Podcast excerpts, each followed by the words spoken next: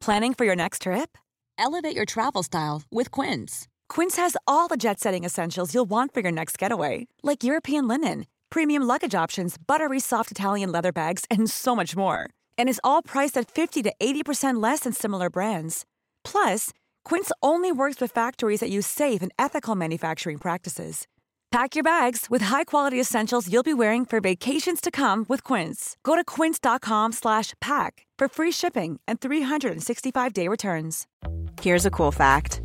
A crocodile can't stick out its tongue. Another cool fact, you can get short-term health insurance for a month or just under a year in some states. United Healthcare short-term insurance plans are designed for people who are between jobs, coming off their parents' plan, or turning a side hustle into a full-time gig. Underwritten by Golden Rule Insurance Company, they offer flexible, budget-friendly coverage with access to a nationwide network of doctors and hospitals. Get more cool facts about United Healthcare short-term plans at uh1.com. Vi är sponsrade av Länsförsäkringar. Det är vi. Eh, Jag har ju ett eh, problem i livet och det är ju att jag eh, rent ekonomiskt är något av en fuck-up. Eh, Jag eh, både tjänar för lite pengar och jag gör av med för mycket pengar. Och jag, det finns ingen framförhållning, det finns inget sparande till mig själv, det finns ingen pensionsgrej som är så många eh, som lyssnar skulle sätta eh, kaffet i, i vrångstrupen. Eh, när de förstår Ja, de gör det nu. Ja, när de förstår hur illa ställt det faktiskt är. Däremot så har jag lovat mig själv att jag ska inte låta den här ekonomiska fuck-uppigheten, som jag kallar den, föras över på mina barn. Eh, this ends now, har jag sagt. Och drag, dragit ett streck i eh, marken Bra. med kolkrita. Eh, tatuerat in ett streck har jag gjort. Eh, och därför så sparar jag eh, till barnen varje månad. Och vi har ett system, jag och Li, att eh, Li sätter in eh, pengar på ett konto varje månad och jag sätter in pengar på ett annat konto varje månad. Livet är föränderligt, löften bryts, men Länsförsäkringar finns där för alltid och kan hjälpa till, då bland annat med Barnspar. Eh, vi tackar Länsförsäkringar för att ni hjälper Nisse och andra att hålla sina löften. Och eh, glöm då inte att Länsförsäkringar kan alltså hjälpa dig med bank, pension och försäkring. Tack så mycket!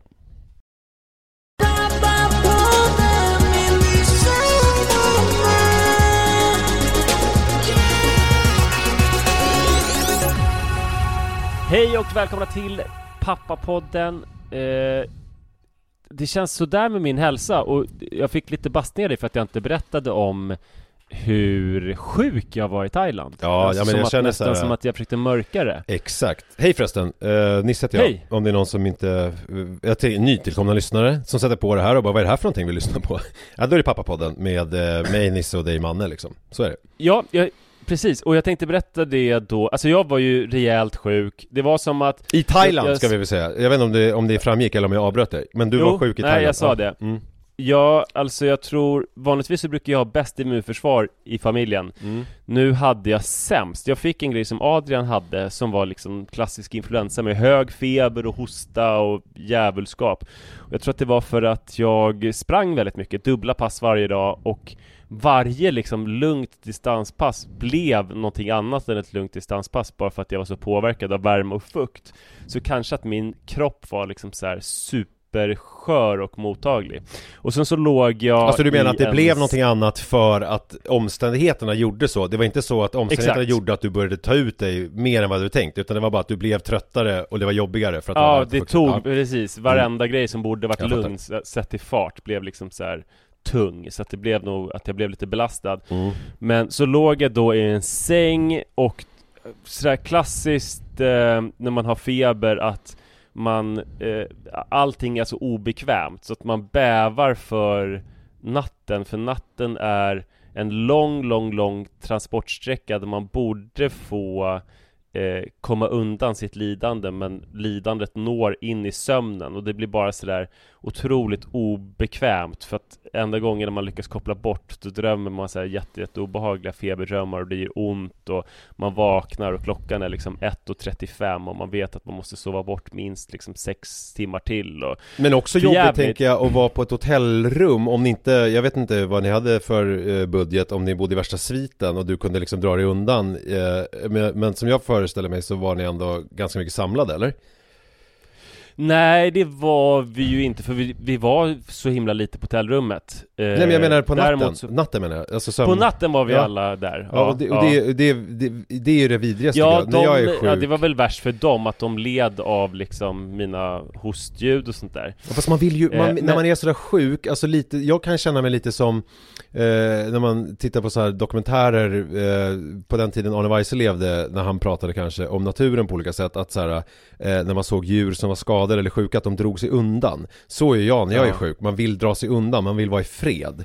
Eh, inte bara för att man inte vill störa andra, utan mer för att man vill ah, man vill ligga och lida liksom i för sig själv, man vill inte ha massa andra, det är som att lidandet blir värre när man ser att andra typ är friska på något vis, eller så upplever jag det. Och då tänker jag, jobbigt då att ha dels att det är natt, det här som du beskrev, att man har, att man vill eh, vila och man tänker att det här är egentligen en stund för återhämtning och eh, ganska härlig liksom eh, drömma sig bort, eh, försvinna iväg. Men sen så är det en vidrig eh, tid för att man är sjuk och sen så har man då friska människor runt omkring sig som ligger, aj fy fan, och så är, man, är det jättevarmt, det är jobbigt att vara sjuk på sommaren i största allmänhet. Nu hade ni kanske AC så det kanske inte märktes så mycket men uh, uh, hatar att vara sjuk på sommaren.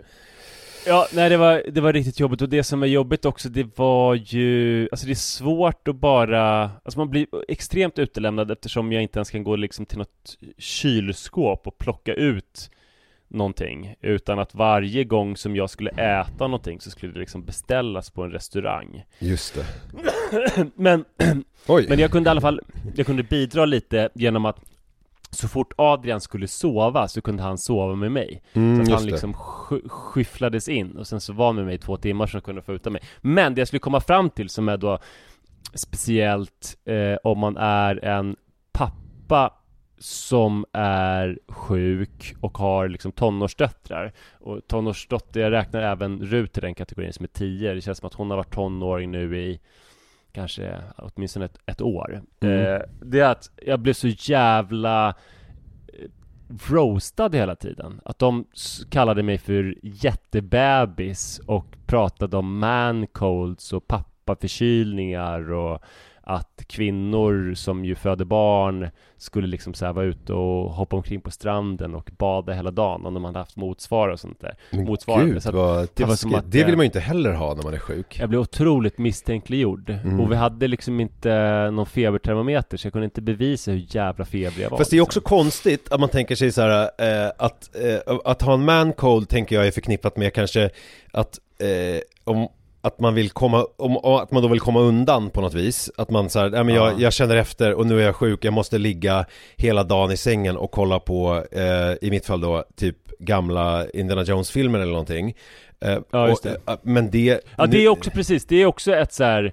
Eh, om du kan kolla på Indiana Jones filmer då ligger det i farans riktning att det är en mancold. Jag var ju, jag kunde ju på min höjd scrolla lite reels på Facebook. Exakt, men det är det jag menar. Alltså, för det, det, är ju, det är ju en grej som man verkligen kan få, skulle kunna få lite eh, befogad skit för. Men jag tänker, Ja. är man på semester eh, och har betalt jättemycket pengar för att liksom åka till ett varmt land och vara där i två veckor, flyga liksom över halva jordklotet, då eh, eh, liksom är det ju väldigt få saker som pekar på att man ska fejka någonting. Alltså då måste man hata sin familj Eh, ja, genuint och brinnande om man hellre ska Ja. vara på hotellrummet än Ja. ute på paradisstranden Ja. med dem. Så jag tycker att de har inget, inget riktigt case där, utan jag tycker att det är Jag tycker att man, man behöver inte tycka synd om hela tiden och så här, åh hur är det och sådär Även om jag tycker att det är att föredra, att det liksom är så här, stackars lilla gubben Alltså, den kan vara spelad, eh, den liksom eh, de, de känslorna, men jag tycker ändå att det är är bättre Men jag tycker Ja. framförallt att de bara kunde låta det vara Alltså det känns ju, Ja. nej, ja. Ja men det värsta var sen när, när jag började bli tillräckligt frisk för att hänga med och vara ute och käka lunch och ligga i skuggan på stranden och så, men det ändå var en stor ansträngning att vara med. Just Eh, men, en, men värt det och fungerande ändå. Den var svår för jag märkte att jag eh, att jag liksom inte riktigt kunde släppa taget om sjukdomen. Att jag eh, inte kunde låta bli att berätta för dem. Alltså att jag ville att de skulle veta att jag är med här och jag sitter och käkar men helvete, jag, fort, vad jag fortfarande jag är svag och vad jag mår konstigt och sånt där. Jag tänkte på, som vi pratade om förra veckan, att man när man blir äldre sen kommer vara en så mindre attraktiv person i folks ögon. Det här är också en grej, man kommer ju förmodligen komma upp i en ålder när livet gör ont på olika sätt. Just alltså det. det gör ont att sätta på sig, knyta skorna eller man har ständigt någon ryggont och man känner sig, sig flåsig. Mm. Eh, vad viktigt det kommer vara att bara att inse så här, jag kommer inte kunna få några sympatier för det här. Jag kommer bara få liksom så här att folk typ är lite äcklade och obekväma för att livet är så tungt för mig. Så det här måste jag bära helt själv mm. och kanske prata med mina gubbkompisar någon gång i bastun om krämpor eller sådär liksom. Det är väl därför som jag tänker att eh, du vet när man precis när kvinnor är gravida till exempel och, och, är med andra kvinnor som är gravida så pratar de väldigt mycket om det. Eller ja. när man precis har varit med om en förlossning till exempel så vill man gärna prata med andra som har varit med om en förlossning. Eh, för att eh, liksom folk utanför den här lilla eh, kretsen är ointresserade av det och så är det väl precis med eh, sådana här gubbkrämpor. Att det är fruktansvärt mm. ointressant för alla andra. Men däremot så är det väldigt skönt att få spegla sig i någon annan och få prata om det som ligger liksom eh, nära eh, hjärtat just då så att säga med en likasinnad. Så att jag tror att det är helt ja. rätt. Jag tror inte att du ska sen när du har slitit ut din kropp på olika eh, stakmaskiner och annat eh, så ska du nog inte försöka söka sympatier och prata så mycket om det med dina döttrar. Det tror jag är liksom Nej. Eh, Eller fru, man kan nog aldrig får sympatier Alltså för kroppsligt eh, lidande Det skulle ju Tyvärr. kunna med Sara så skulle det kunna vara om hon också har något Alltså som ja. hon faktiskt också pratar om uh, Nu känns Sara som en person som Alltså du känner bättre än vad jag gör, det ska jag villigt erkänna Men hon känns inte som en person som jättemycket gnäller över att hon har ont i kroppsdelar Eller det kanske hon gör, eller? Jo, hon har ju rätt mycket ont alltså, Ja men gnäller hon över det? Jag kan tänka mig att hon Ja, jo men hon gnäller en del faktiskt. Hon gör det, för att jag har liksom fått ja. känslan av att Och jag hon... är ganska dålig också på Alltså det, det, är ju som att problemet är ju att det är lite för abstrakt med Om någon säger att den har ont i karpateltunneln till exempel. Eh, ja. Grej i handen liksom. Det, det, är jävligt svårt att relatera till. Man blir så här Fan stackars dig, gud, alltså det säger ju såklart stackars dig. Men vadå, hur många säger att de har ont i karpateltunneln?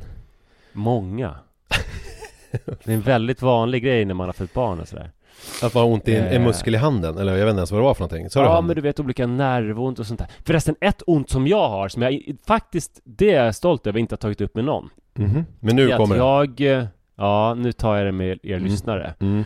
Det är att jag har så otroligt ont i rumpan när jag sitter Jaha och det konstiga är att det började, eller det kanske inte är konstigt, men det började när jag började springa och jag tyckte att det var så himla dum grej för att när jag började springa långpass, då började jag se på tiden annorlunda, vilket gjorde att jag fick så mycket mer tålamod. Att jag blev bättre mentalt rustad för typ en bilresa på tre timmar, för att jag kände någonstans att om jag kan springa tre timmar så måste mm. jag kunna sitta och köra bil i tre timmar. Mm. Men problemet var att det hände någonting med så nerverna i min rumpa. När du sprang? Att jag började göra Nej, Nej, av att jag sprang förmodligen. Mm. Så att det gjorde jätteont att sitta och köra bil. Mm. Och nu har jag haft så då sedan jag började springa för snart sex år sedan. Och nu, det gjorde så ont, alltså det var otroligt pinsamt hela flygplans... Äh, nu måste jag berätta en till sak om resan som var hemsk ur mm. pappas synpunkt. Mm. Och det var att när vi åkte till Thailand mm. så tänkte jag så att det känns ju onödigt att både Sara och jag ska ha en jobbig resa nu och ta hand om Adrian. Det är bättre att en av oss har en skön resa och slipper Adrian. Mm. Ja. Så föreslog jag att men, en av oss tar ditvägen och en tar hemvägen så delar vi upp Adrian på det sättet. Och Sara var positiv till det och hon ville helst att hon ville ta ditresan med Adrian. Ja. Eh, främst tror jag för att eh, hon skulle jobba dagen efter eh, att vi kom hem. Men, men eh, hur så... tänker du, hur tänkte du, ja okej okay, det är ju en förklaring då att hon ska jobba dagen efter, men annars det logiska hade väl varit att, hur lång tid tar det att flyga? 13 timmar tror jag Att man delar upp det i typ två timmars pass eller någonting Men det, så ja, tänk, kanske hade varit smartare Ja, jag vet inte. Det, det blev väldigt lätt att dela upp det för att det här bolaget som vi reste med, de vill att man ska betala extra för allting. Så att det visade sig, vi hade inte fattat det, att om man inte betalar extra, Mm. då får man inte sitta tillsammans, utan hela vår familj, alla familjer på hela planet var utspridda. Så alla gick omkring som yra hönor och letade efter familjemedlemmar och sånt där. Men jag lyckades då komma väldigt långt ifrån Sara och Adrian. Ja. Och jag hade också med mig eh, Imovan, eh, Ja. som är sömntablett. Ja, jag tar aldrig det. Jag, jag fick det utskrivet när jag skulle åka till eh, Etiopien för några år sedan. För då. Jag skulle vara där så kort så att jag behövde det för att kunna liksom vara där typ två nätter. Ja, så att du kunde ta en och komma in i det direkt och jobba så här. Mm, exakt. Ja.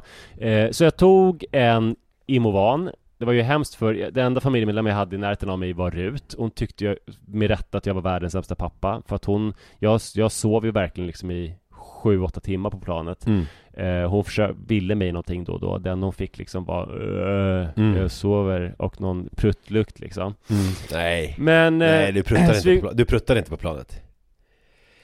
Allegedly Eh, vad, vadå, om man eh, är i sin imovandimma och sover, jag kan ju inte sova djupt och samtidigt kontrollera diverse Ja men alltså, har, men är det här någonting du bara gissar då? Alltså eller har någon Nej nej sagt nej, att, hon, det, hon hävdade att det var så Att det kom att du satt och och, och liksom eh, fluktuerade, eller vad heter det? mm. Heter det så? Men så, så kom vi fram och eh, det, det, det, det bet mig lite i svansen det här med Movan. Det var ju fantastiskt att flygresan kändes väldigt fort men jag var ganska soinkad. Jag Mm. minns inte det här passkontroll och sånt där på, på, på i Phuket. Eh, det är alltid som en dimma. Men, och Sara hade haft en riktigt helvete för Adrian var lite sjuk, även då, i någon tidigare sjukdom. Så att han grät mycket och hade det jobbigt och sådär. Eh, sen då på vägen hem Mm. så var han ju också sjuk i någon ny sjukdom Mm. och eh, eller ja, han hade väl tillfrisknat hyfsat från den men jag bävade för att nu är det Adrian och jag Mm. i alla de här många timmarna och jag var ju också i sviterna av min sjukdom Just det. Ehm, Ja, den var sen- lite mer i mitten, slutet, alltså din sjukdom. Så det var inte så att du insjuknade direkt vid ankomst, utan det, du var där ett tag och sen så blev du sjuk verkligen där. Ja precis, jag, var sjuk, jag blev sjuk på måndagen när vi hade varit där åtta dagar Jaha, gud. Eh, ja, jag var i princip, jag var ju feberfri och sådär men jag hade lite så här eh, Fortfarande känningar av olika kvardröjande symptom Men sen blev det ganska ostrategiskt, planet blev fyra timmar sent så vi var jättelänge på flygplatsen Och Adrian somnade på Sara Typ Mhm. en timme innan vi skulle gå på planet Jaha. och, och då blev jag jättestressad för jag insåg att så här om, om jag ska ta honom nu så är det ingen bra start att han sover på Sara. Men eh, det gjorde han och han sov på henne eh, när planet åkte iväg Ja. och sen så vaknade han. Och Adrian har ju utmärkt sig genom att vara en person som till skillnad från Iris ut inte är mammig utan han är liksom tydligt mammig och pappig. Ja, han vill ha oss båda så jävla mycket. Mm. Men nu så vägrade han att komma till mig. Nej. Och eh, jag satt ju en bit bort och det var så här, Sara var så här, "Ja, men han är ju lugn liksom så att jag tar honom Jag tar honom så länge han är så här lugn och gosig. Han satt bara och gosade med henne när han vaknade. Ja. Och jag satt några rader fram och jag insåg liksom att ju längre han sitter och har det så där gosigt, för de hade också lyckats få en trea nu så att Sara, Iris och Rut satt tillsammans och jag satt ensam i mitten i en trea med främlingar. Eh, Åh, han, när vi försökte sen, vägrade, vägrade, vägrade komma Men det rimliga hade väl då var- varit att ni hade bytt plats, tänker jag? Ja det skulle vi gjort, ja, Ja. precis, det skulle vi gjort Ehm, jag, jag skulle i så fall satt mig där med, Ja. jag vet inte varför, den, den informationen var lite vid, o, ovidkommande men det, det var så här att, okej, om, om vi ska göra nu så att han ska vara hos mig, då kommer liksom han ställa till med en scen och skrika Han Ja. är väldigt inriktad på att vara med Sara Ja. Så att det blev liksom lättare för henne att vara med honom Så jag satt och skämdes där det enda trösten var att jag satt bredvid främmande människor och den ena som jag satt med var otroligt märklig också. Jaha. Eh, och hon skällde på barn bakom som var glada liksom och stojade lite lätt. Jaha. Hon sa till mig, jag tog min medicin. Hon bara, vilken dag är du på medicinen? Jag bara, "U- ursäkta, vet, vet du vad det är för någonting eller? Alltså det var konstigt att hon verkade, det kändes som att hon kände igen vad jag tog för medicin. Jag bara, "Va- vet du vad det är för medicin Men jag du, tar? du Hon bara, sa "Nej." ingenting, utan du bara tog någon medicin? Nej, jag bara tog den när det kom en måltid. Jag tog medicin. Hon bara, vilken dag är det? Jag bara, "Ja, vet du vad det är för medicin? Hon bara, Nej, men jag vill inte bli smittad. vilken dag är du på med medicinen? Jag ska åka ner igen om nio dagar, då kan jag inte vara sjuk. Aha. Alltså hon var typ så här, Vad du tog du vet, för medicin eh, då? Eh, Penicillin och någon hostmedicin och så. Jaha, alltså du, du Eh. fick penicillin där i Thailand, det var så illa att du hade liksom en En sån Mm. grej? Jaha, vad, Mm. gud vad Jag hade jobbigt. lite olika medicin. Nej men så hon var verkligen så här, du vet, Saga Norén länskrim Malmö. Vad är det för medicin? Ja, jag kan inte bli sjuk. Eh, och sen så när hon sov, mm. då snörvlade jag nog lite, för då vaknade hon upp, sp- Mm. spände blicken i mig och sa vill, vill, du, vill du att jag hämtar papper eller? Vill du snyta det eller? Va? Jag bara, nej det är lugnt. Ja, det var min tröst då, för att det var ju skönt att jag hamnade i ett sånt konstigt sammanhang när jag hade sånt jävla dåligt samvete över att så här, på nedvägen tog jag Imovan och nu satt jag helt ensam. Men en annan sak en som var fråga bara. trösterik, men som inte... Mm. Jag, jag måste bara sticka in här, Eh, alltså, men kunde du hålla tätt då när du var vaken? Du satt inte och pruttade också?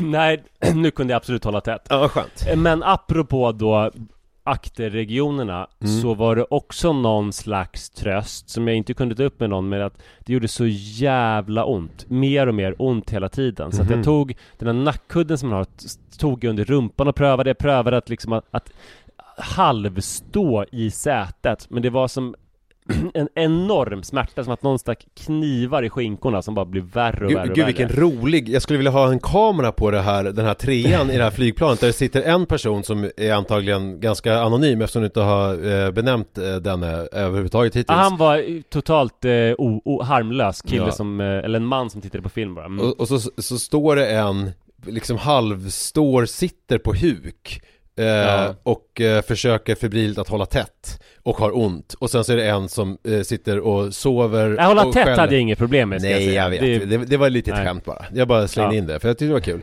Men, Och sen så en, en då väldigt arg eh, Och nu ska man inte slänga sig med olika diagnoser då Men eftersom du tog upp Saga Norén Alltså någonstans på någon slags spektrum Som sitter och Ja, bara påpekar olika saker eh, Kul, eh, kul trojka ändå jag ja, eller hur? Ja, Eh, och det, allt där hände ju i mig, men jag hade då två liksom enorma tryck. Och det ena var trycket av att jag hade extremt dåligt samvete över att det blev så att Sara var med Adrian. mm. Men sen hade jag det här trycket av smärta som var någon slags lindring som egentligen inte spelar någon som helst roll. Det hade varit bättre om jag inte hade ont men det kändes ändå som att det var lite mer rättvist i och med att jag hade så ont. Fast det var ju bara i dig ju Alltså jag menar det var Ja, ingen som visste om det mig. Eh, Nej. Så att, så att, ja gud Men, eh, ja, ja Men det som var bra var i alla fall att Adrian var en eh, solstråle till skillnad från den första resan som var väldigt jobbig för Sara så var Adrian glad och eh, gosig och sådär. Ja, ja. så det kan bli Manne Forsberg. Så det kan Ja. bli.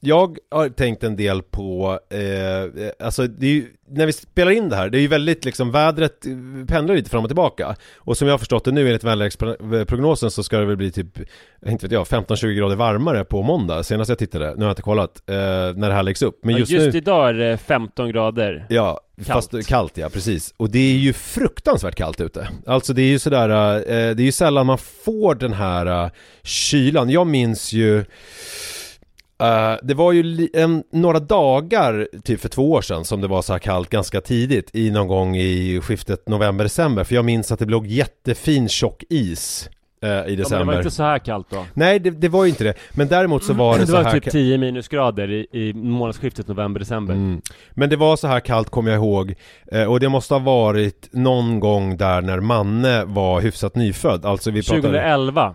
Var det, det, var det då det var så kallt? Ja, det var två vintrar på raken. Mm. Först var det ju 2009-2010 och sen Just det. 2010-2011. Exakt. Båda de vintrarna. Och den här 2010-2011 då då var det ju, jag minns att det var någon så här tidningsartikel som var verkligen så här det vintrigaste man har läst sen novellen Pälsen av eh, Per Lagerkvist. För det var så här eh, att inga tåg gick och att det skulle bli 22 minusgrader Ja. i Stockholm och att det skulle vara köldeffekt på 35 för att det var blåsigt. mm. Och ing, tunnelbanan gick inte ovan jord heller. Nej. Så att, och jag bodde på Hägerstensåsen så det var som ett så här journalfilmsaktigt lämmeltåg som gick över Liljeholmsbron in till Mm. Hornstull varje morgon. Ja. Ganska länge. Mm. Så det var två så här galna vintrar på raken. Ja, sen och det var ju bitande. kallt, nej. ja men det, det var ju Mm. sån bitande kyla och jag, jag minns ju också då hur, för då på den tiden så promenerade jag hemifrån, då jobbade jag ju på UR på Tulegatan inne i, eh, på Östermalm. Eh, och eh, då gick jag hemifrån dit. Och jag minns ju när det var sådär 18 minus och man gick och när det liksom blir att allt bara fryser och det, här, det blir väldigt stilla när det är så kallt på något vis. Mm. Det är liksom, det är som att allting stänger ner. Alltså det känns som att tillvaron stänger ner lite grann. Och jag tror att det handlar dels om ens egen mentala Eh, alltså ens hjärna stänger ner en del liksom, funktioner till förmån för de mest basala grejerna. typ hålla värmen, fokus på det. Väldigt mycket fokus på hålla värmen tror jag kroppen håller på med. Inte så mycket reflektera över saker eh, och tänka liksom abstrakta tankar och sånt. Utan det är väldigt mycket bara eh, överlev kylan. Vilket gör att, i kombination med att eh, djurliv och annat också eh, blir liksom eh, lugnar ner sig. Plus att nu när det också ligger ett snötäcke eh, så blir ju alla ljud blir ju lite mer dämpade. eh, Från, Jo men sen också atomerna stillar ner sig. Ja, exakt. Det blir ju, alltså det är ju som is till exempel. Det är ju vatten fast i liksom fast form. Alltså kort bara så var jag med om i eh, tisdags när jag precis hade kommit hem från Thailand så var det 17 minusgrader. Eller Mm. jag ska inte överdriva, det var 16,9 Ja. här hos oss. Och jag gick ut och sprang och klädde på mig ganska mycket men det var som en overklig kyla första Mm. kilometern. Som att Ja. så här, jag kommer aldrig kunna bli varm. Det gick Nej. ju ändå men det var, för då, fick jag ju, det var 33 och sen 17 så det var 50 graders skillnad mot vad jag hade upplevt då de senaste veckorna. Ja, liksom. alltså det är otroligt. Eh, Men Mm. det, det som jag har tänkt på det här med kylan då, det är att det här är ju en sån här, det är ju en gammal grej för mig som jag pratade om i podden, det här med att besegra väderelementen. Eh, alltså besegra naturen på olika sätt. Eh, och Mm. då har jag kommit fram till att kyla är ju att föredra eh, framför värme. Och jag, jag, ska, Ja. jag ska förklara varför alldeles strax, och det är väl ganska självklart, men jag ska ändå exemplifiera. Eh, plus att det finns någonting med eh, att när det är, när man utsätts för de här eh, liksom yttre krafterna eh, och man eh, lär sig att besegra dem och, och, och att det är, och det handlar ju om att klä sig rätt liksom, lager på lager. Och jag älskar ju också själva ehm, Eh, vad ska man säga, eh, spektaklet i det hela och att det blir liksom någonting som bryter av. Jag cyklar ju eh, varje dag en mil framåt, eller två mil sammanlagt då, men det blir ju en mil enkel. Eh, från eh, hemmet i Farsta till Zinkensdamm där kontoret ligger där jag håller på att köra iväg med min lilla budbil. Har du berättat om det här med polisen? Gud, det är roligt. Eh, har, har du berättat att Adrian eh, är gullig? Uh, ja, gud vilken, vilken dålig comeback från mig. Eh, för jag, jag försökte komma på någonting som du har berättat men jag, jag minns ju aldrig någonting så det fanns inget. Nej, nej, det var bara tomt. Eh, Mm.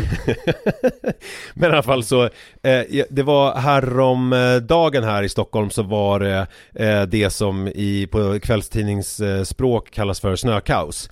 Mm. Det snöade väl en, ja det var väl en decimeter drygt under liksom ett antal timmar där på dagen. Ja det blåste väldigt mycket Ja det blåste också, så det blev ju drivbildning också. Eh, men jag bestämde mig självklart för att cykla ändå. För jag tycker att det är roligt. Och då när jag cyklade hem, då var det sådana undantagstillstånd och jag kände att liksom att jag verkligen eh, stod i fören med mitt vita yviga skägg eh, Stormen rev eh, och eh, vi, eh, seglerna hade liksom gått sönder och eh, det, liksom vågorna bara piskade mot min liksom na, bara överkropp och jag skrek liksom Is this all you got? hela tiden till någon slags vädergud Come on, come on, try me harder ja. Eh, för jag cyklade då hem och då hade de ju, eh, jag har ju alltid skrytit så mycket om att cykelvägarna är, är så himla fina och det vet jag att ni pratar om också i Springsnyggt-podden att det är så bra att springa i Stockholm för att eh, sen eh, Daniel, heter han Heldén? Han som nu är, Mm, eh, har han, är han vald till språkrör nu? Det är han va? Ja det är han eh, Han Är var det? ju Ja, jag vet inte. Jo, men han var ju eh, i, i, i liksom en, en tongivande politiker i Stockholm Är det Eh, därför som Stenevi gick ut igår och sa att hon är sjukskriven på obestämd framtid? Nej, De det, har ju jättekonflikt. Nej det tror jag är för att, för att det är hon som står bakom allt det här kokainet som har Ja, snortats just på alla toaletter i hela riksdagskansliet Det är hon som går runt och nu måste hon söka hjälp för det här Ja, eh. För att hon kan inte gå runt och knarka liksom överallt Det får hon ju sköta Nej, lite inte. snyggare Hon får sköta det på sitt eget kansli. Exakt eh, eh, eh, Jag tycker, alltså gud, eh, s- man måste ju kommentera det där Jag tycker ju att Nooshis eh, liksom comeback i riksdagen var ju väldigt rolig Att, att när, när då Men hon Aftonbladet-journalisten var så jävla liksom butthurt som att så här, Ja, som, som att hon verkligen ville säga att vi drar kopiösa mängder Ja, ladd men ni men det gör ju du också, så Ja. håll käften. Ja men det var, det var exakt det som att det, som att det fanns något underförstått i att det här håller ju alla på med. Alltså kolla Ja. i era jävla toaletter. Vad fan, alltså det kändes liksom, det var, det var så himla, och jag, jag det är någonting med Nooshi som jag ändå fascineras lite av. Alltså hon, eh, hon, hon har ju någonting där inne som jag inte riktigt förstår Vilket gör henne spännande och mystisk. Många andra partiledare är inte eh, mystiska på samma sätt. Ulf Kristersson till exempel. I och för sig en eh, eh, viss eh, anstrykning av eh, eh, eh, homosexualitet som ju Mm. man, man liksom undrar, alltså eh, absolut Liksom, det är inte jättespännande att någon är homosexuell. Det som är spännande är ju om någon är det men inte vill liksom att, det ska, att det ska komma ut. Det känns väldigt gammaldags liksom- också. Piskar sig genom att vara tillsammans med en kvinnlig präst. Ja, eh, eh, och det här måste jag ju säga att det här är ju bara, jag vill inte nu få någon förtalsdom över mig. Det här är ju bara liksom eh, en känsla som, eh, som det, det finns någonting mystiskt i det där. Ja, men, Och det att han har skrivit en massa kärleksbrev till dig och typ gjort så här obehagliga sexuella närmanden och sånt? Jo men jag menar ju, bara för att han och jag har en sexuell relation och eh, ska liksom lämna våra respektive, vilket jag ju redan har gjort. Bara för att jag lämnade Li för Ulf Kristersson och att han eh, står i begrepp att göra samma sak med sin fru och vi ska flytta ihop i Sagerska huset Behöver inte betyda liksom, att vi älskar varandra och att vi har sex och vill dela våra liv Det betyder, behöver inte betyda någonting. Nej, det behöver verkligen inte betyda någonting Eh, men nu blev det ju ett otroligt stickspår. Nu ska jag tillbaks till vädret. Och då när jag cyklade, för då var det trots då Daniel Heldens eh, beslut som han fick igenom eh, i stadshuset Att cykelbanor ska plogas på precis samma eh, sätt och prioriteras lika högt som eh, biltra- bilvägarna. Eh, det ska liksom Ja, de är finnas... sops, vissa huvudstråk i Stockholm, inte alla, är eh, sopsaltade Ja, men det Eh, finns ju som ett de, system. De håller sig väldigt fina Man kan alltid, man ska alltid kunna ta sig till vissa knytpunkter i liksom eh, förorterna eh, på liksom sopsaltade cykelbanor. Eh, sen så finns det ju vissa Som såna- ofta är flerfilig också Ja, det är otroligt lyxigt och det är ju också bra när man springer på vintern för att då kan man alltid springa eh, utan dobbar om man eh, vill det, eh, så att säga. Dock kan han bli fruktansvärt hala eh, Alltså nästan halare än omgivande eh, Vid vissa väderfenomen kan det bli svartis på dem där men, eh, Jo, jag vet, skit i men det, men det ska ju inte, alltså om det, om det sköts eh, som det är tänkt så ska de ju inte hinna bli det. Då ska det ju liksom, eh, då ska det ju köras upp och tosta. Men här var det alltså en sträcka på eh, tre kilometer från nu blir det ju väldigt internt för de som bor utanför Stockholm. Jag, låt oss säga bara att det är en sträcka på tre kilometer i slutet på eh, min eh, milslånga färd som var helt oplogad. Och det vill säga att jag cyklade genom liksom eh, Från alltså- Skogskyrkogården Ja, okej. Eh, ungefär så ja. Ah! Eh, Yes, eh, ja, alltså helt oplogad, vilket då innebär att jag cyklade, jag har ju inga vinterdäck eller någonting, eh, liksom på, igenom då decimetertjock eh, nysnö Ja det är eh, svårt på cykeln. Och det var ju bland det häftigaste jag varit med om. För att då upplevde jag exakt samma sak som du upplevde i Thailand då när du sprang eh, i början och att det liksom var mycket jobbigare än vad det ska vara eh, trots Mm. liksom intensitet och så vidare i löpningen så blev ju det här, jag har ju aldrig cyklat så långsamt eh, i hela mitt liv egentligen Nej. skulle jag säga men aldrig heller varit så trött av en cykeltur. Alltså det var ju, Nej. det här var nog lite grann när ni pratar i eran podd om det här med alltså träningscykel som man kan göra då som alternativträning om man har problem på något sätt. Eh, då ska man nog bli så här trött som jag blev, för att här var jag ju tröttare än efter ett liksom lugnt distanspass. Alltså i löpning. Jag var helt slut när jag kom hem. Eh, efter att ha cyklat jättelångsamt i tre kilometer. Men jag kände hela tiden när jag gjorde det att jag levde och att det var så jävla häftigt och att det var liksom det här kommer jag kapsla in och minnas säkert i en vecka om jag känner mig själv rätt. Eh, sen kommer jag glömt bort det.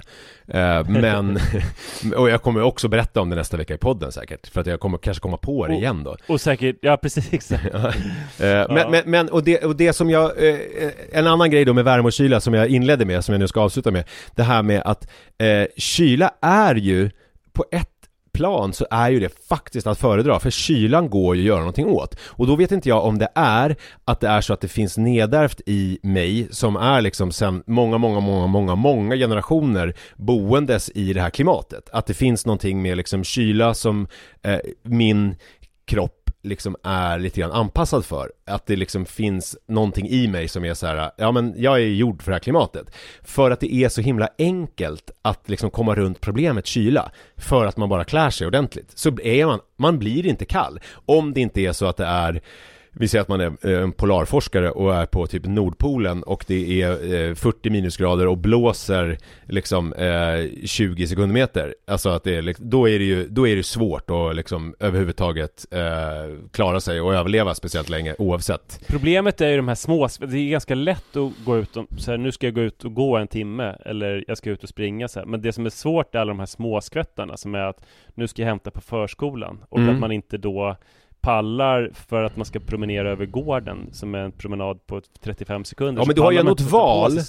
Eh, Du har ju ändå ett Jo. val, alltså du kan ju göra det. Däremot om det är så här, om det är eh, som när du var i Thailand till exempel då, eh, då, om man är utomhus, det finns ju inget sätt att liksom värja sig mot värme. Det finns ju ingenting man kan, finns ingenting man kan göra. Det är klart att man kan säga, ja vadå, du kan väl sitta i ett AC-rum? Ja men det är ju inte liksom, det är ju fusk. Alltså det är ju som att gå in när det är kallt ute, det är också fusk. Jag pratar ju om att vara Det finns ute. ju några grejer som man eh, gör, alltså om man ska tävla till exempel i varma förhållanden och dels är det ju att, jag vet inte om det räknas, men det är ju att vänja sig så att man eh, har en akklimatiseringsperiod. Mm. Och det andra är att man har, eh, att man använder kall dryck. Mm. Det här är lite så här kontraintuitivt, eh, eller snarare det går emot vad jag har typ hört från värmeböljesomrar, man har intervjuat typ vä- asfaltsarbetare som har sagt att de dricker typ varmt te.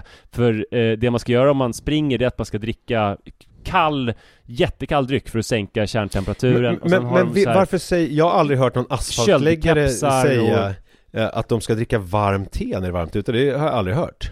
Ja, den är kanske bara en enda Aftonbladet-artikel som jag läste den varma sommaren 1994 som har levt kvar. Men jag har läst det och också så här, eh, alltså, ibland så kan man folk varna för kall dryck och sånt där i, när i förhållande till Ja, fast det är ju, i, det är ju när det är kallt ute, alltså det, det, för det gjorde ju mycket lumpen att man hade ljummet Man hällde i varmt vatten i sin eh, fältflaska eh, Som sen liksom kallnade av och blev mer och mer ljummet För att det ska inte gå åt energi att värma upp liksom eh, drycken när den kommer ner i kroppen när det är kallt ute Utan den ska liksom fylla en annan funktion så att man drack alltid liksom varmt vatten eh, för att släcka törst eh, Just det. det. Det vet jag ju, men jag har aldrig hört det där att, det ska, att man ska dricka varmt när det är varmt ute Nej, en Eh. del säger till och med att det är farligt med kallt. Men det, så är det alltså inte. Utan Jaha. du ska dricka jättekall dryck och sen ska man ha en kall keps och en kall väst. Ja Eh, och det, det, det finns ju saker man kan liksom eh, för att svalka sig såklart, alltså vi pratar skugga, vi pratar vätska, alltså vatten man häller över sig och så vidare.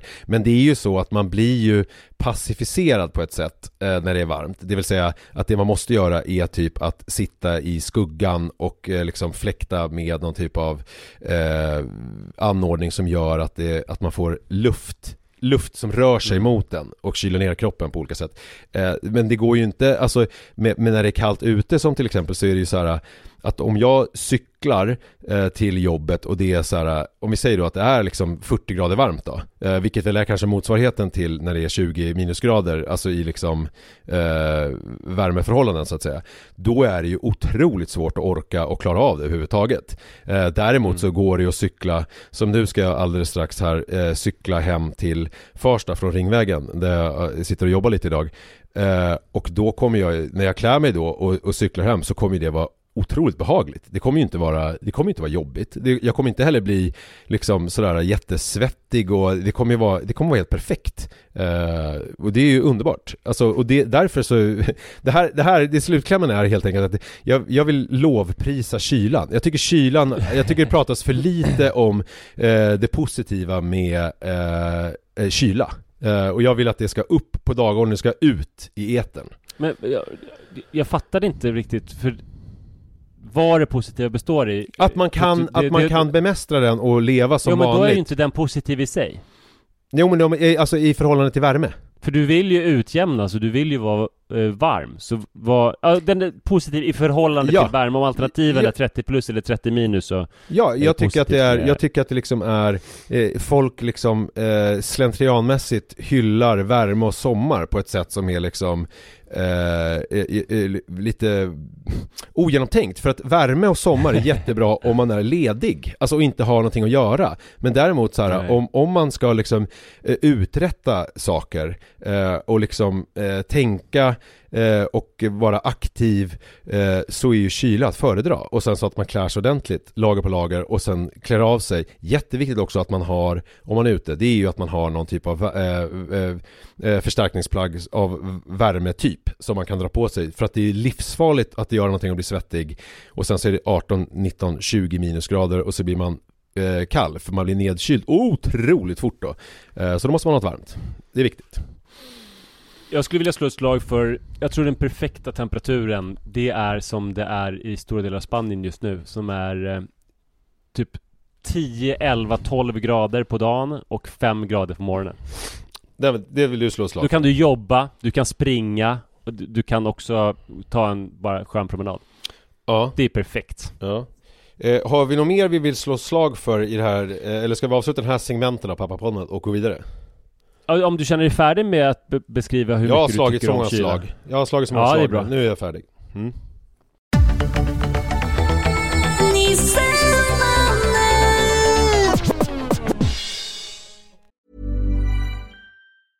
Small details are big surfaces. Tight corners are odd shapes. Flat, rounded, textured or tall. Whatever your next project, there's a spray paint pattern that's just right. Because Rust new Custom Spray 5 and 1 gives you control with five different spray patterns. So you can tackle nooks, crannies, edges, and curves without worrying about drips, runs, uneven coverage, or anything else. Custom Spray 5 and 1. Only from Rust Millions of people have lost weight with personalized plans from Noom, like Evan, who can't stand salads and still lost 50 pounds. Salads, generally, for most people, are the easy button, right? For me, that wasn't an option. I never really was a salad guy. That's just not who I am. But Noom worked for me. Get your personalized plan today at Noom.com. Real Noom user compensated to provide their story. In four weeks, the typical Noom user can expect to lose one to two pounds per week. Individual results may vary. Det har hänt någonting otroligt med Adrian som alltså kanske inte framstår som så otroligt för en utomstående för det nästan hade varit mer otroligt om det inte hade hänt. Mm. Eh, nämligen att han har börjat prata. Det hade ju varit kanske en större grej i podden om det är så här. Min son har visat sig vara stum. Ja, just det. Det, alltså, det hade ju haft ett lite större kanske nyhetsvärde. Ja. Eller, fast vet du, nu måste jag omedelbart säga en parentes här att jag tycker jag har tänkt på det som att nästan alla barn utvecklas ju enligt ett givet mönster och sen så börjar de med vissa milstolpar och betar av dem. Mm. Men ju mer man pratar med föräldrar så är det så här, äh, min son har en störd språkutveckling så att han pratar inte, han är sju år. Alltså, eh, när vi åkte taxi till Arlanda när vi skulle åka på vår resa så bad jag om ursäkt till taxichauffören när jag betalade. Förlåt för att det var så stojigt och mina barn pratar så mycket. Han bara, vet du, jag tycker det är helt underbart För att min tioåring, han säger ingenting. Han, eh, har, han är autist och, Mhm. och pratar inte. Mhm. Du vet, det var så jävla rörande att Mm. han då såg det som, man kan ju också tänka, min son är autist och säger ingenting och tio år och det är jättejobbigt att höra att andra barn pratar skitmycket. Ja, det, Men så- han tyckte att det ja, var fint och härligt. Mm. Ja. Men så att det är inte självklart kanske eh, att folk ska börja prata eller att folk ska börja gå eller att folk ska göra någonting. Jag tror att det är Eller? okej att dra en sån här eh, eh, grej om Adrian utan att braska för att det finns folk som har barn som, som inte har utvecklat talförmåga. Jag tror att det är okej. Nej men jag kom på det först, för, först tänkte jag att det är en stor nyhet att han utvecklat talförmåga, men jag kom på att det kanske, att det inte är så stor nyhet. Sen kom jag på igen att det är kanske visst en stor nyhet eftersom det är så olika ju. Så jag Eh. landade nog att det är en stor, stor sensation och nyhet att han har börjat prata. Och det är fascinerande tycker jag att... Vänta, vänta, vänta, vi måste Eh. pausa lite bara. Jag ser framför mig hur eh, du har ett redaktionsmöte i huvudet Ja, så är det. med dig själv och diskuterar nyhetsvärdet i det här. Ett ganska långt, långt, långt möte från liksom, alltså, eh, ni ska ses klockan nio, det ska gå- ganska snabbt. Eh, ni ska gå igenom dagens eh, nyheter och så här, vad som ska publiceras och inte publiceras. Och sen så eh, blir det här med Adrians tal, eh, liksom åker upp på dagordningen och visar sig vara en punkt som diskuteras liksom eh, anemiskt hela dagen. Alltså att det Ja, blir liksom... får ringa till sina förskolor, det vill säga jag får Mm. ringa till förskolan och säga att jag kommer behöva hämta sent trots Ja. att det är APT, ni får ha med honom på mötet för Ja. att vi har väldigt, väldigt viktigt Eh, Alltså en, en, en viktig principdiskussion rörande barns talutveckling i allmänhet och Adrians i synnerhet och frågan om detta är av eh, stort värde för en Ja. lyssnare eller inte. Ja men och, och, och, verkligen, alltså, för, eh, alltså det ska vi nog Och slutklämmen var att det var ju av stort värde. Alltså det Ja, visade det är- sig ju ha Alltså jättenyhetsvärde. stort nyhetsvärde, ja, Ja. Ja, och därför måste här- vi höra det här.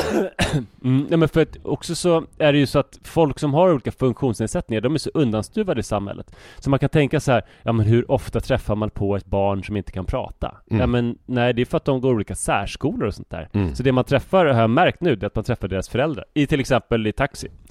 Ehm, Det är ett mörkertal Men- helt enkelt. Ja det är stort, stort mörkertal. Jag Ja. tror att det var annorlunda när vi växte upp. För då Mm. var det mer funkisar som gick i vanliga verksamheter. Just Men det. nu så är det mer eh, att de går på olika särskolor. Begreppet funkisar har redaktionsmötet kommit fram till att man använder då i pappapodden. När jag har suttit och diskuterat. Då säger man, man vi säger funkis. Det gör vi. jag tror det. Ja, bra. Har- Du, missade du mötet? Ja, Jag var ju inte, jag var inte ens inbjuden eh, på det här Nej. mötet. Det var ju, det var ju tydligen liksom above my pay Ja, grade. det kom väldigt naturligt i alla Mm, fall. ja. Eh, att säga funkisar i Mm. det här sammanhanget. Mm.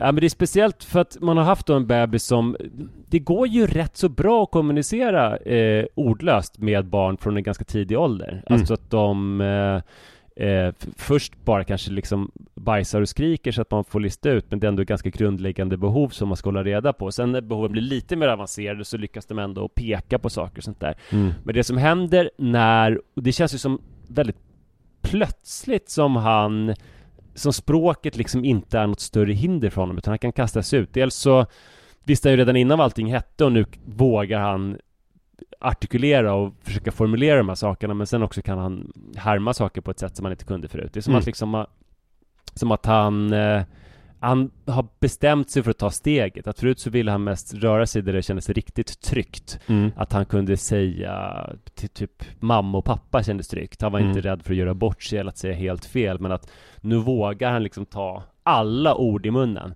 Det, det mest fantastiskt gulliga han säger det är BRIL!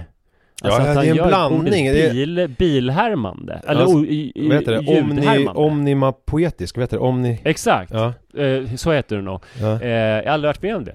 BRIL! Det är, ju jätte- jävligt Men begåvat. det, det, jag tänker att det är som den, eh, liksom, eh, felande länken mellan eh, ett, eh, ett liksom, en, en riktig liten tultare som knappt kan kommunicera med ord och eh, en eh, liksom eh, verserad eh, trevlig yngling som eh, Mm. eh, kompletterar, komplementerar sin pappa på korrekt svenska när pappa kommer hem med portfölj och pipa efter jobbet. Ja men det är otroligt för att han gör det så jävla jävla svårt för sig att säga det ordet Mm. Men han vill att det ska vara supertydligt. Men sen så, vissa språkliga saker då, alltså det, man får reda på vad han vill göra och det han vill då framförallt, eller till exempel då, det är varje morgon nu så säger han, jag berättade förra veckan att han säger ute ja, ute Mm. ja, det är att han vill vara ute, men sen är det Mm. också äta rut. Jaha. Det är någonting han vill göra hela tiden, äta Rut. Och det är det första han säger när, han vaknar på morgonen. Och det är för att för fem dagar sedan, Ja. i måndags, Ja. så gick Rut upp och bredde någon macka till honom och sen så käkade de frukost tillsammans. Och det var Ah. så otroligt starkt för honom så att han varje morgon vill äta Rut. Men gud. Eh, och sen så en annan sak som inte är så kul, det är att han säger att mamma är gullig Mm. eh, och Rut är gullig. Mm. Eh, Men om jag frågar om jag är gullig eller Iris är gullig så tycker han att det är fullkomligt löjeväckande påstående. Att han, att han skratt- nästan skrattar slår sig för knäna och skrattar. Ja, han tycker absolut inte Nej. att jag och Iris är gulliga. Men Nej. väldigt mycket att, att Sara och Rut är gulliga. Ja men ni är mer snygga, tror du inte det jag menar? Att det är så här, alltså gulliga, ni är mer farliga och mystiska och snygga Det är det han kommer säga Först nu så skrattar han Jag hoppas du, att det blir nästa grej som han lär Ja. sig. Att bli snygg och sexiga. Men, ja men det är otroligt, det är otroligt att få, och sen- liksom, ja förlåt Ja, eh, sen- sen när man går ut, jag minns förra vintern då var det, då kunde han ju inte uttrycka sig med ord. Men ibland när det kom, när man gick ut, eh, man skulle gå ut till affären, så man gick ut från bilen och så, så kom det kall luft i hans ansikte. Då var det som att han inte förstod att han kunde andas. Och så bara "Woo!" eh, För att det var så kallt. Han vågar inte andas samtidigt, det hände någonting. Men nu säger han Kallt, kallt. Och så Mm. säger han Thailand varmt, Ah. Thailand varmt. Mm. och kallt, kallt. Så att han på något vis eh, funderar på det konstiga i att vi var i Thailand och att det var väldigt varmt och att nu är det väldigt, väldigt kallt. Så att Men- man kan prata med honom.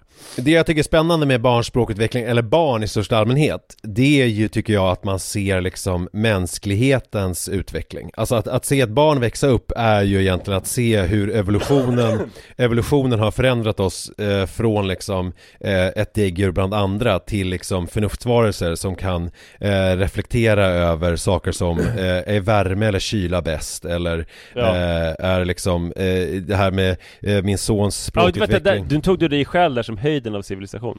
Eh, Att det är, det är dit man strävar, att kunna resonera i en podd kring är värme eller kyla bäst. Ja men jag har ju också haft möten, hallå, redaktionsmöten och olika möten där jag kommer fram till olika saker och där, det har jag kommit Ja, fram bra. till Att det är civilisationens höjd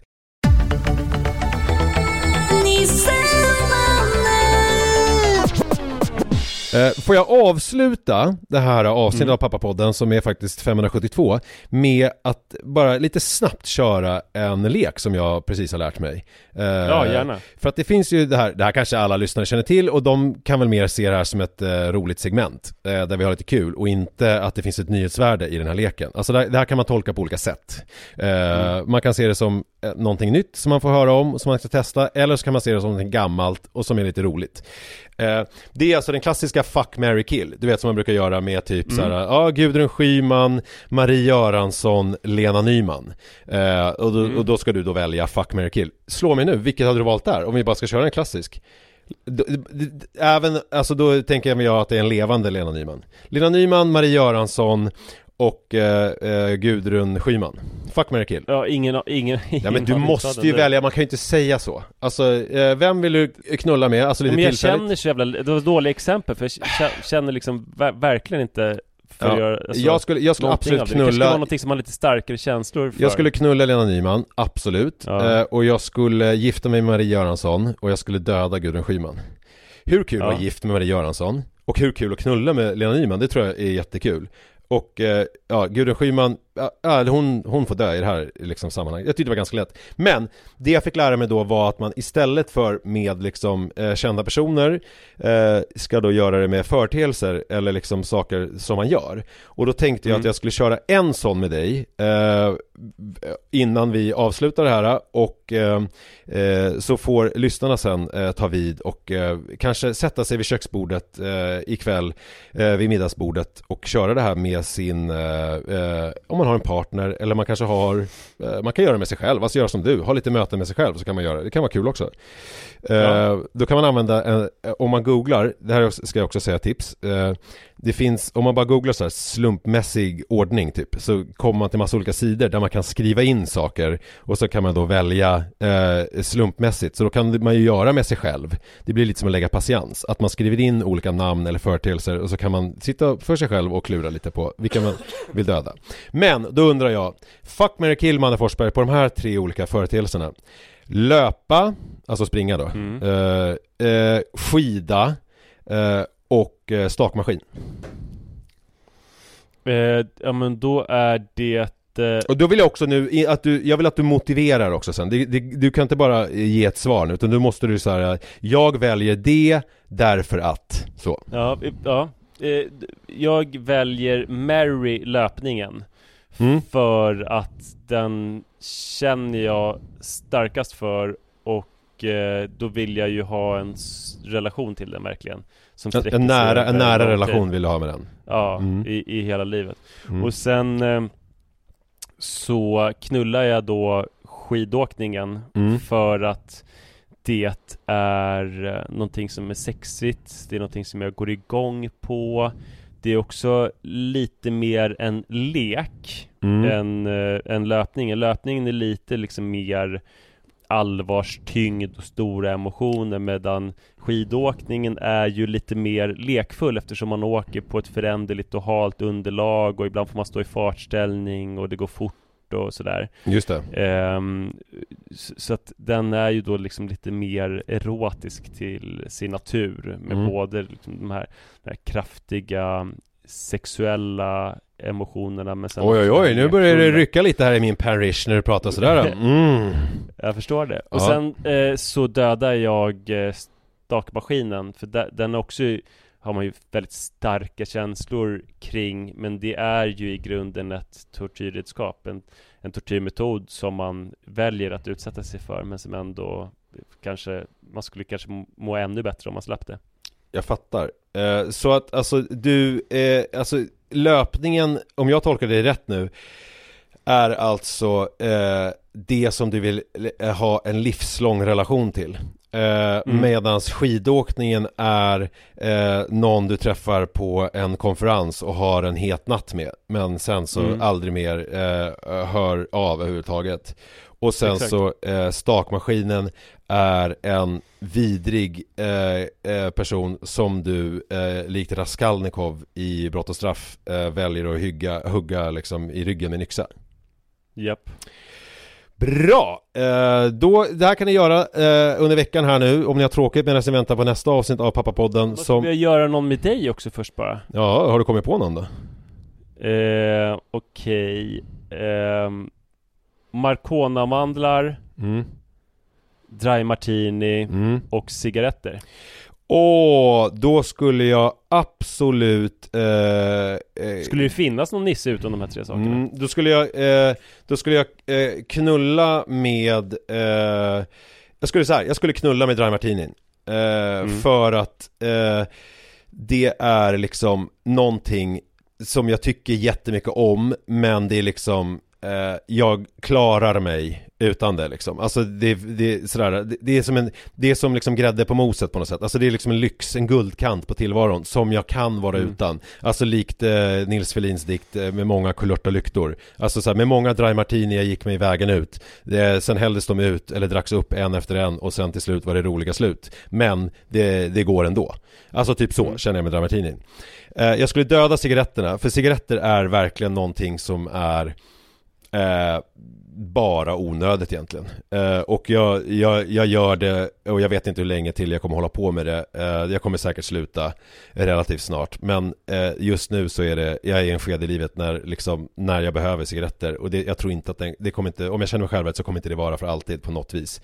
Marcona-mandlar däremot, det, där har vi alltså, vi har salt, vi har fett, vi har protein, vi har liksom ett snack som Speciellt sen jag började äta ADHD-medicin eh, Så är det ju så att man, jag har ju otroligt lite hunger mitt på dagen Jag tvingar mig själv Mm. att äta lunch för att jag förstår ju att eh, min kropp tränger på täter eh, och så vidare. Men att sen komma hem och eh, det är liksom typ det enda jag kan äta. Alltså för jag, jag känner ju att jag behöver ju någon typ av eh, depåfyllning. Men jag känner ju absolut noll hunger när jag kommer hem efter jobbet. Och då är jag ändå liksom och inte ens då känner du hunger? Nej, den kommer- typ inte äter lunch? Hungern kommer, hungern kommer liksom när medicinen går ur och det, det är ungefär 12 timmar så att om jag tar medicinen vid då 7 på morgonen så börjar, eh, så börjar jag bli riktigt hungrig framåt 7-8 på kvällen eh, Så då brukar jag äta liksom middag Men däremot så förstår ju jag eh, att jag behöver någonting mer än, för jag brukar äta kanske, säg Ja men det kan inte vara mer än 150 gram mat på lunchen. Alltså det är väldigt lite För att jag, jag bara tvingar i mig någonting. Eh, Och då är, då är mandlarna fyller en, en eh, otroligt viktig funktion För det är det enda jag liksom tycker är liksom okej att äta fast jag inte känner mig så hungrig. Eh, Och jag får ju, det är inte som chips att det bara är liksom fett och kolhydrater och salt Utan det finns ju faktiskt lite protein i de där mandlarna. Så att det, ja, det blir ett giftermål med dem alltså. I nöd och lust. Stackars, stackars Ja, det är synd om dem. Ja, eh, kul! Eh, som vanligt Manne, att få språka med dig och också jätteroligt att ni är så Ja. många som eh, lyssnar på oss. Det eh, glädjer mitt eh, hjärta eh, och eh, mitt svarta hål av bekräftelsebehov i min eh, arma värld. Vi hörs om en vecka. Puss! Them can't see me face, balaclava. Them can't see me face, balaclava. Say what them call me, black tarantula. In the blue light, neck on the line. Walk with the four, walk with the nine. Police one search, never one's mine. And me get away all of the time. Face cover up like a ninja. High grade S, that a danger. Real ragamuffin in the area. When me come a dance, style and lingua.